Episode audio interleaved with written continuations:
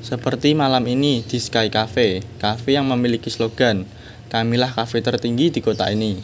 Meski terdengar berlebihan, namun tidak ada yang salah dengan slogan itu karena kafe ini memang persis berada di atas gedung tertinggi. Tetapi soal menu dan rasa makanan, Joe sejak Joe sejak tadi sudah mendesis dalam hati, tidak akan pernah datang lagi dan Vin sibuk berkeluh kesah lagi. Lihatlah, cowok-cowok itu seperti laron mengelilingi gadis cantik di meja besar itu.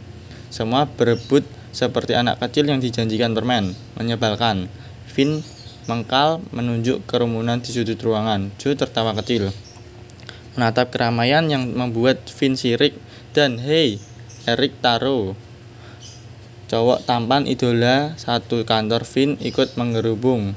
Pasti itu yang membuat Vin tambah keki.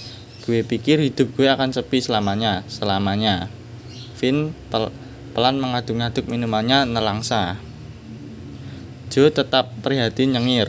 Ya, lu kan sudah terbiasa menjomblo selama 30 tahun.